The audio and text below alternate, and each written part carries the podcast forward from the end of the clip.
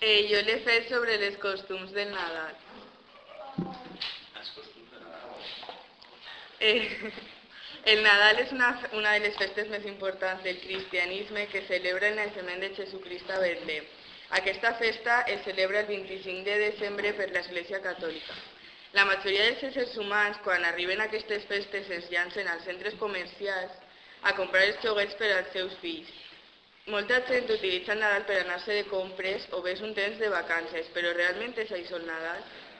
Alguns diuen que és un temps de relax, uns altres diuen que és la celebració del naixement de Jesús, però per què la gent que no creu celebra el Nadal? Jo no crec que la celebre perquè pense que és una bona estona per a passar amb els éssers que no pots veure durant la resta de l'any. Eh, cadascun en la seva casa i amb les seues famílies utilitza el Nadal amb un significat diferent o celebren, celebren el Nadal de forma diferent a la resta dels altres. És a dir, que cada u a sa casa i en cada lloc té unes costums. Per exemple, decorar l'arbre, cantar eh, cantar les Nadales o posar el Betlem.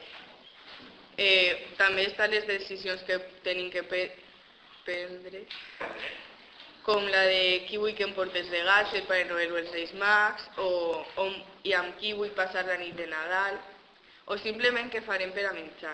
Hi ha nombrosos costums, i no sols les espanyoles, sinó també en altres països. Per exemple, en Anglaterra, els xiquets van de casa en casa cantant Nadales per als seus veïns o posen a la xemeneia un mitjo que el Pare Noel té que plenar de regals. O, per exemple, a França hi ha mercats nadalencs i concerts a les, concerts a les esglésies.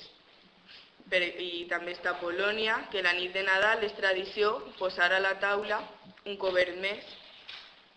També eh, és tradició que grups de xics disfressats vagin de porta en porta per a demanar el aguinaldo. I després, a Alemanya, hi ha una campaneta que sona quan finalitza el sopar, que vol dir que com ja han acabat de dinar, poden anar a replegar els, els regals que els ha deixat el Pare Noel, però no poden arreplegar-los sense abans cantar la nit de pau. Després està la gent que no celebra el Nadal, per, bé per motius de religió o perquè la seva educació o perquè la seva educació no se, no se'l permetís. Després, eh, en conclusió, si parlarem amb mil persones sobre les milers de costums que hi ha, obtindríem milers de respostes perquè cada un personalitza el Nadal d'una forma diferent.